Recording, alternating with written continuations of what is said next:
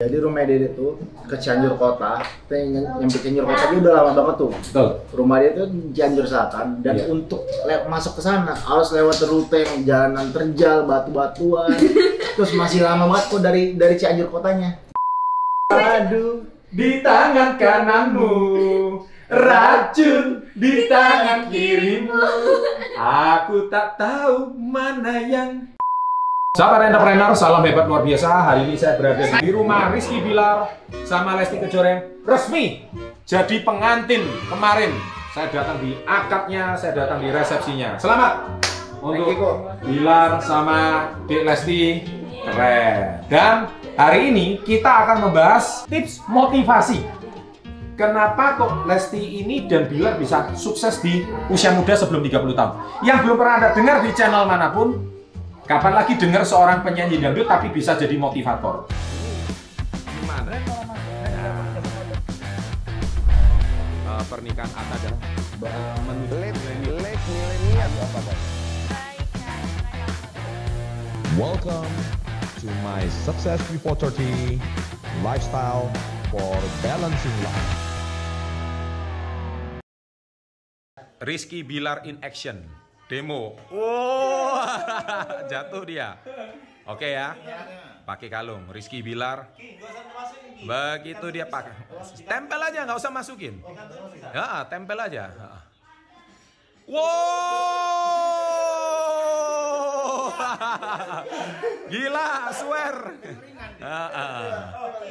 Lagi, dinaikin loh, dinaikin loh. Bener.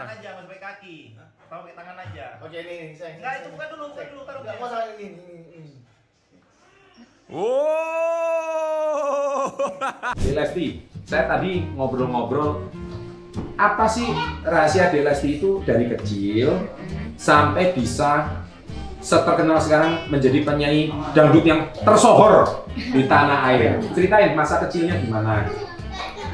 Ya karena memang selain selain jadi udah dikasih gift ya maksudnya kalau kita udah dikasih bakat sama sama Tuhan itu kalau nggak dikembangkan ya gimana mau berkembang Harus biasa. harus biasa terus gitu terus memang Saya kakak, kakak udah diasah tetap aja nggak tajam. apalagi kalau diri memang disupport sama orang tua yang ya masya Allah yang maksudnya bapak diri itu bener-bener nge- ngedidik keras Iya. gitu Iya. Tahu gitu apa yang Digembleng lah kamu ya. digembleng gitu tahu tahu apa yang apa yang dede punya gitu apa yang ada di dalam Potensimu lah ya. potensi gitu Ya, jadi akhirnya terus diasah Koko kalau Koko kalau ikut ke kampung Dede pasti nggak percaya ya maksudnya Dede bisa sampai ke Jakarta Gitu ya? Kapan-kapan main ke kampung gitu? Jadi rumah Dede tuh ke Cianjur Kota, kita yang nyampe Cianjur Kota dia udah lama banget tuh. Betul. Rumah dia tuh di Cianjur Selatan dan Iya. untuk le- masuk ke sana harus lewat rute yang jalanan terjal, batu-batuan. Terus masih lama banget kok dari dari Cianjur Kotanya. Tiga jam lagi, tiga jam atau empat jam lagi. Lama banget dan bayangin seorang Dede, Lesti diantarin audisi itu sama bokapnya itu naik motor saja naik motor ke Bandung. Naik motor ke Bandung. Ini ayahnya hebat bener. Luar biasa. Dan ayahnya percaya kalau kamu mau ikut audisi dia dukung. pokoknya lomba apa pun dulu tuh selalu Selalu didukung selalu disupport. Ah, pas pas Dede ikut lomba ini tuh beliau nanya beberapa kali Dede udah siap? Dede kenapa pengen ikut? Ya Dede pengen cari pengalaman. Masa Dede mau kayak gini terus? Gitu. Iya, terus iya. akhirnya ya udah ternyata singkat ceritanya Dede lolos ke Jakarta udah deh dikasih kesempatan buat menang nah dari situ udah mulai udah sampai di Jakarta pun ya udah sampai di Jakarta pun Dede masih belum makmur kok Itu umur berapa? Umur berapa ya? 2003 oh sekarang udah makmur gitu maksudnya kan orang tuh selalu ngelihatnya nikmatnya gitu loh Oh, saya iya. enaknya gitu udah jadinya tapi prosesnya nggak jarang dilihat gitu Iya, iya. jadi begitu selesai jadi Dede jadi juara di Jakarta tuh Dede masih belum punya apa-apa nggak ada keluarga nggak ada kendaraan nggak ada tempat tinggal masih ya apalagi dulu masih belum ngerti suami belum ada juga ya kan masih 14 iya 14 tahun Dede Waktu itu ya. Waktu itu. Kamu ikut audisi itu umur 14 14 Gila.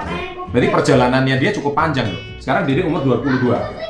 Berarti bisa meraih prestasi sampai sekarang ini 8 tahun. Itu itu langsung Liga Dangdut Indonesia itu. dia dia dulu tuh bukan liga namanya dangdut akademi Dangdut Academy. Iya. Dan, dan kami merintisnya sama kok tahunnya. Sama-sama 2014. Oh, jadi oh iya kan kamu pernah cerita di channel kita sebelumnya. Oh itu 2014. Nah, 2014. Dek, tadi saya tertarik kamu tuh ngomong satu kalimat. Salah satu sukses itu nggak boleh dengar apa kata orang. Iya. Tolong dijelasin apa maksudnya Dedek itu untuk mental anak-anak muda sekarang yang suka baperan itu.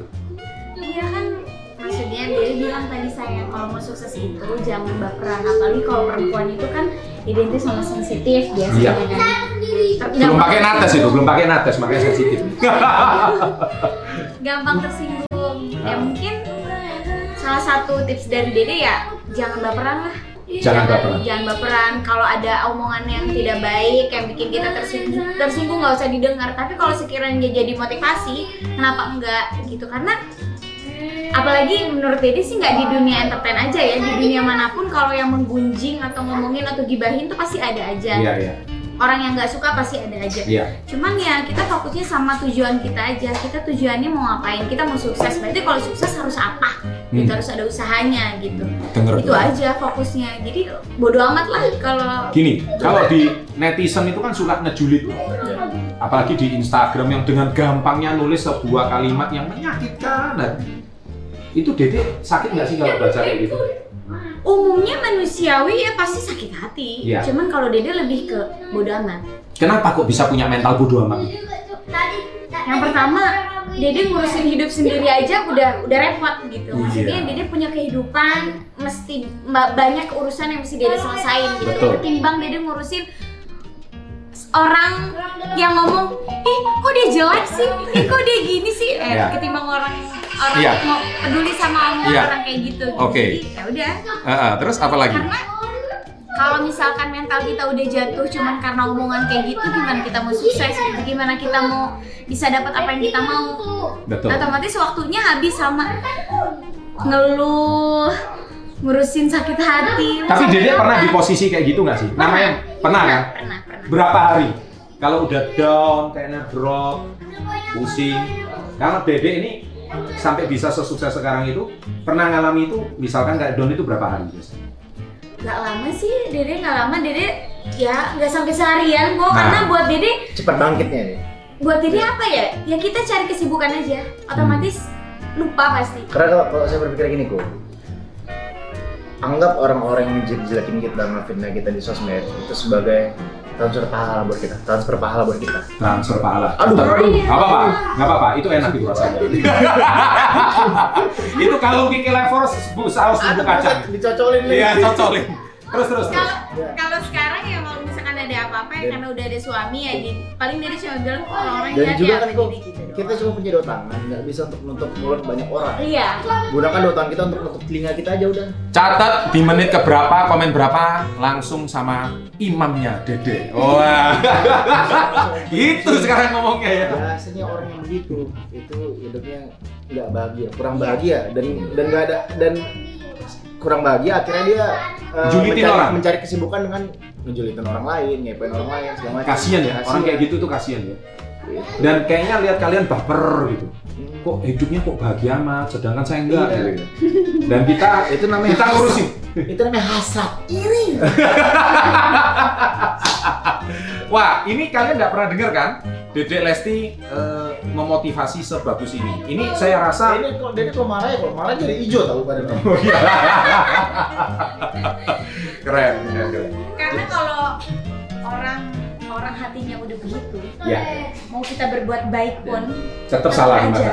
dan makanya kita juga berpikiran kok daripada kita ngurusin orang-orang yang ngejulit kita jadi jadi kita mending kita fokus sama orang-orang yang udah support kita Ya. sayang sama kita atau Ya. orang-orang yang begitu lebih banyak daripada daripada orang yang ngejelekin orang lain Setuju. ngejelekin kita maksudnya Makanya kamu yang suka julid, ya ini tips yang baik ya. Semoga Tuhan segera membuka, membukakan hatinya gitu. Iya, kamu malah didoain loh. Iya, jangan Iya, jangan iya buang-buang loh. waktu untuk mencari kejelekan orang lain. Nah. Perbaiki diri sendiri aja. iya. Top itu. Sudah selesai semua motivasinya. Jadi saya harus nyanyi dangdut ini. Iya dong. Ya, lagu apa ini? lagu apa ini? Lagu apa? Kok bisanya lagu dangdut apa?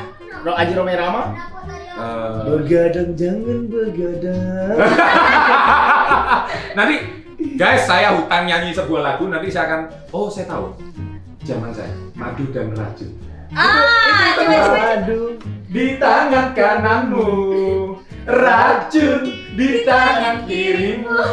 aku tak tahu mana yang Kiki, akan kau Kiki live di kedua tanganku. ini pemanasan. Next time nyanyi beneran. Saya akan tampil di Liga Dangdut Indonesia. Jangan yang lain gak dapat kesempatan untuk menang loh. waduh jangan. Guys terima kasih banyak. Dede thank you. Dede, eh, kakak Bilar makasih. Hari ini saya datang spesial silaturahmi barusan jadi pengantin baru guys saya langsung disuguhkan suguhkan makanan begitu banyak terima kasih banyak dan semoga pernikahannya langgeng terus Amin. Ya. Semoga channel Sukses Sukses before- Before 30 bisa sukses dan bisa selalu memotivasi banyak orang untuk bisa sukses pula. ya amin ya Amin amin. kita tutup dengan salam kita salam hebat luar biasa Oke. salam hebat luar biasa